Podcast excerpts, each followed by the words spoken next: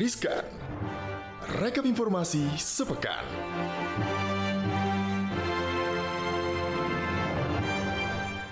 Hai Sobat Cuan Halo. Iya Angel eh. Aku kembali. Kamu gali berwujud perempuan atau Gali duduk di manis di situ dulu duduk ya, manis say. Kita hari ini mau baca semua rangkuman-rangkuman kisah ekonomi sepekan dalam Riskan. Rekap informasi sepekan udah ada gue Angel di sini Maria dan Katarina juga juga ada selalu lah yang buat Sobat Cuan. Bosen kayaknya kalau gue announce kayak Maria Katarina Kayak kagak ada orang ya Dia lagi, dia lagi gitu ya Emang ada orang.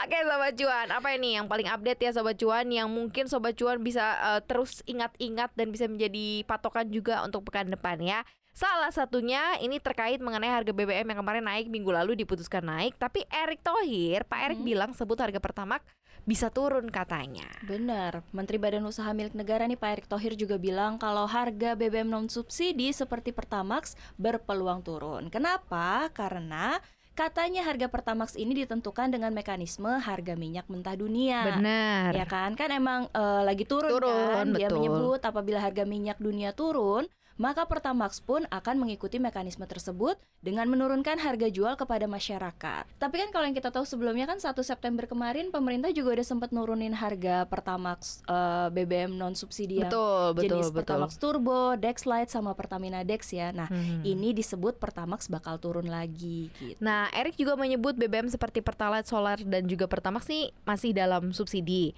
Erick juga menilai jika minyak mentah dunia saat ini menjadi 95 dolar Amerika Serikat per barel turun ya menjadi 75 dolar Amerika Serikat per barel maka akan diikuti dengan harga jual Pertamax kepada masyarakat iya dong kan harga Harus, minyak dunia turun.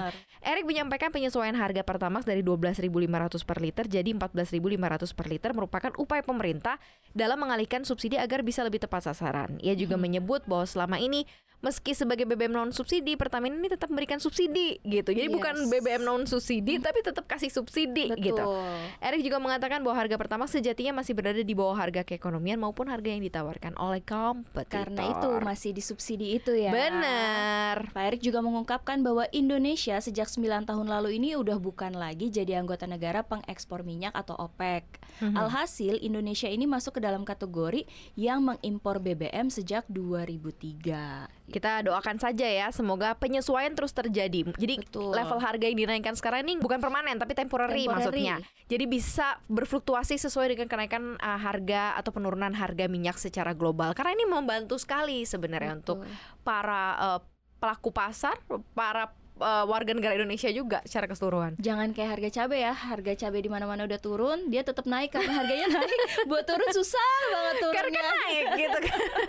Tapi memang uh, respon secara luasnya ya beberapa barang-barang kebutuhan pokok pun juga Ya, sudah ada yang menyesuaikan. menyesuaikan penurunan ya termasuk kayak telur kemarin sekilo 31.000 ribu sekarang udah 29 ribu 28 29 ribu. jadi udah lumayan lah ya setidaknya kan faktor penggerak ekonominya daya beli itu tetap terjaga gitu Betul. Kalau yang tadi diturunin, kalau sekarang pemerintah menaikkan. Nah, Siap-siap menjerit. soalnya ini imbas Wahai- juga BBM kayaknya ya Imbas dari BBM juga. Jadi pemerintah ini resmi menaikkan tarif ojol berlakunya mulai 10 September Oke. nanti.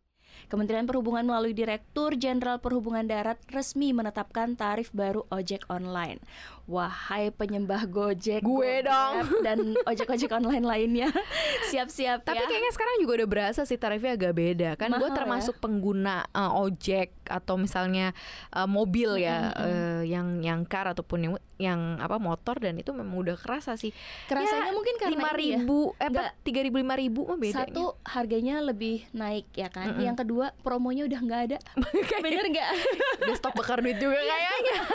Jadi berasanya dua kali lipat gitu. Direktur Jenderal Perhubungan Darat Hendro Sugianto mengatakan penyesuaian biaya jasa dilakukan dengan mempertimbangkan kenaikan harga bahan bakar minyak, upah minimum upah minimum regional atau UMR dan juga perhitungan jasa lainnya. Hendro juga mengatakan terdapat perubahan biaya sewa penggunaan aplikasi yang sebelumnya ditetapkan sebesar 20% kini menjadi 15%. Lebih lanjut, Hendro juga mengatakan pelaksanaan kenaikan tarif ojek online ini berlaku efektif dalam uh, beberapa hari ke depan sejak hmm. ditetapkan atau 10 September mendatang gitu ya. Berarti sekarang tanggal berapa? 9, 10 ya. Besok hari ya? Senin ya mulai eh, hari ini 9. 9, 10 tuh hari Sabtu. Sabtu iya. Ya kan? Ya Senin mulailah ya pas mau kerja berasa mm, tuh. Mm, mm, mm, Ia menjelaskan bahwa tarif ojol ini dibagi jadi tiga zona Tarif ojol zona 1 yaitu Sumatera, Bali, dan Jawa kecuali Jabodetabek. Besaran mm -hmm. kenaikan di zona pertama ini yakni tarif batas bawah naik dari 1.850 jadi 2.000.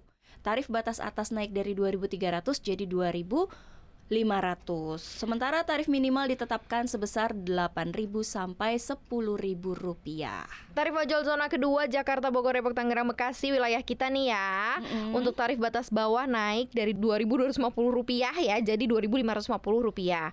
Batas atas naik 2.650 rupiah menjadi 2.800 rupiah. Sedangkan tarif minimal untuk zona 2 adalah 10.200 rupiah sampai 11.200 rupiah. Ini multiplier efeknya luar biasa sih yeah. karena sekalian buat kendaraan yang memang antar jemput kita, mm -mm. kita mau kirim paket, kita mau Barang, beli makanan, betul. ini kayak kena imbasnya semua, semua gitu kena. kenaikannya ya. Bener. Kemudian tarif, tarif ojol, ojol zona, 3. yaitu di Kalimantan, Sulawesi, Nusa Tenggara dan sekitarnya Maluku dan Papua gitu ya. Ini besaran kenaikannya untuk tarif batas bawah naik dari 2100 jadi 2300 dan tarif batas atas naik dari 2600 jadi 2750 rupiah. Sedangkan untuk tarif minimal untuk zona ketiga ini adalah 9200 sampai 11000 rupiah. Siap-siap ya para pengabdi ojol di mana pun Anda berada yang hidupnya selama ini mungkin mager apa-apa pesan makanan yes. terus mau ke mana-mana tinggal pesan kayak apa namanya ojek sampai depan rumah gitu ya. Nyaman ya kan? Nyaman mungkin harus harus ada alternatif. Karena kalau kayak satu dua hari nggak kerasa sih kalau naiknya misalnya cuma 2000 sampai 5000 ya. Kalau setiap hari. Tiap hari lo kalkulasiin aja, gaji lo naik segitu nggak ada, coy. Jadi gaji lagi ya, tolong gaji disesuaikan lagi. gitu Bener. Ya. Jadi itu pesannya untuk kita semua ya. Tolong didengarkan suara buruh yang kemarin sudah iya, menggebu-gebu. Ya. gitu Karena kan ya. kita juga pengen naik dong 5% lah minimal kayak batu bara nih tertinggi uh, sepanjang sejarah nih sobat cuan. Oke, harga batu bara mencatat rekor baru ya di perdagangan seni 5 September 2022. Harga batu bara kontrak Oktober di pasar Ice Newcastle ditutup di 463.75 US dollar per ton dan harganya terbang ke 5,18 persen. Gila gila yang gila punya sahamnya udah pasti cengar cengir yang harga sahamnya itu harga yang harga sahamnya itu receh ya. Udah nggak receh udah nggak receh coba bayangkan selamatlah ya sobat cuan jadi harga pada penutupan kemarin itu menjadi yang tertinggi ya dalam sejarah harga tersebut sekaligus melewati rekor sebelumnya yakni 446 mm -hmm. yes. US dollar per ton ya yang tercatat pada 2 Maret 2022 atau hanya beberapa hari setelah perang Rusia Ukraina meletus. Yes. Penguatan kemarin juga memperpanjang rally harga batu bara yang sudah berlangsung sejak Kamis pekan hmm, lalu. Hmm. Kalau dalam sepekan, harga batu bara ini sudah melonjak 11,6 persen secara point to point. Dalam sebulan, harga batu bara terbang 33,7 persen Sementara dalam satu tahun melesat 160 persen tuh kan. Tapi tenang, ini belum selesai katanya. Belum, ini masih, masih akan berlanjut ya. Nah, rekor baru pada uh, hari kemarin ini masih dipicu oleh krisis gas Eropa. Rusia juga sudah menegaskan sikapnya jika mereka tidak akan memasok gas ke Eropa secara penuh jika sanksi kepada Rusia kan belum dicabut. Belum Seperti diketahui Eropa dan beberapa negara barat serta Jepang memberikan sejumlah sanksi kepada Rusia setelah mereka menginvasi Ukraina. Ukraina ya. Terus kemarin kan Pak Jokowi sempat datang juga nih ke acara Indefnya ya, CNBC Indonesia, Indonesia ya. Betul. Secara statement kan karena udah ketemu ke de, bertemu dengan Zelensky, bertemu dengan uh, Putin. Putin dan hmm. dia mengatakan dengan tegas dari kedua uh, kepala negara ini uh. mengatakan bahwa perang tidak akan berhenti, berhenti dengan cepat ya. gitu. Jadi ini masih akan berlangsung lama. So ya sabar-sabar sobat cuan ya. Mendingan cari cuan aja coba. Cari cuan aja caranya yes. mungkin bisa bangun startup. Aduh iya bisa juga sih Karena startup ya. Arab Saudi ini lagi cari startup haji dan umroh RI yang mau dikasih pendanaan. Ah, Gila tuh pemerintah Arab Saudi siap menguncurkan ratusan juta dolar untuk memodali startup Indonesia Salah satu startup yang dicari anak buah Raja Salman ini adalah perusahaan yang bergerak di bidang haji dan juga umroh. Yuk sobat cuan bergerak, bergerak, coba Hmm. dicoba. Karena Arab Saudi akan mengucurkan modal ke startup eh, Indonesia itu ya lewat dana investasi patungan atau joint fund yang dibentuk bersama Yayasan Nexticorn. Uh, wow. Rencananya separuh dari dana investasi berasal dari kantung pemerintah Arab Saudi, sedangkan sisanya berasal dari berbagai pihak di Indonesia. Oh, Menteri Komunikasi dan Informasi Teknologi Arab Saudi Abdullah bin Amer Al Sawa mengatakan bahwa lima bisnis eh, bidang bisnis yang menjadi fokus Arab Saudi dalam berinvestasi di ekosistem startup Indonesia, yaitu startup yang berfokus pada umroh dan haji. Satu. Dia menilai bahwa industri ini sangat potensial dengan teknologi digital dalam berbagai bidang, mulai dari Hmm. travel, kesehatan, logistik sampai dengan e-commerce Nah, katanya. peluang bisnis yang menjanjikan bukan? Karena soalnya eh, hampir dominasinya more than 50% sekali ya.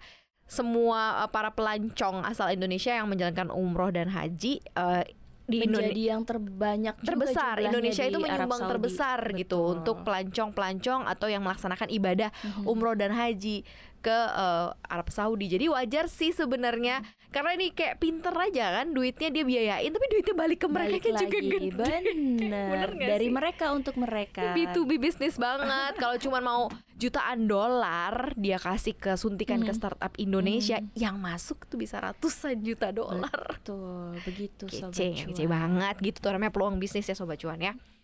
Oke. Gitu aja sobat cuan, Gitu informasi yang udah kita kumpulin selama sepekan ini semoga menginspirasi, Pasti menambah dong. informasi ya kan. Kalau mau informasi dan juga inspirasi yang lebih dalam lagi soal ekonomi, keuangan, financial dan semuanya, Widih, uh, kita jiwa. punya. Tenang Punya, sobat cuan. punya. Jangan lupa ya dengerin konten-konten kita menarik lainnya yang ada di podcast Cuap Cuap Cuan, ada di Yes. Spotify, Apple Podcast, Google Podcast dan juga Anchor. Follow akun Instagram kita juga di cuap underscore cuan dan subscribe YouTube channel kita di cuap cuap cuan like share dan juga komen ya sobat cuan ya. Jangan lupa juga untuk nonton konten-konten podcast kita yang tayang di CNBC Indonesia TV. Devi. Angel pamit sobat cuan. Happy weekend, Nadia juga pamit. Sampai jumpa sobat cuan.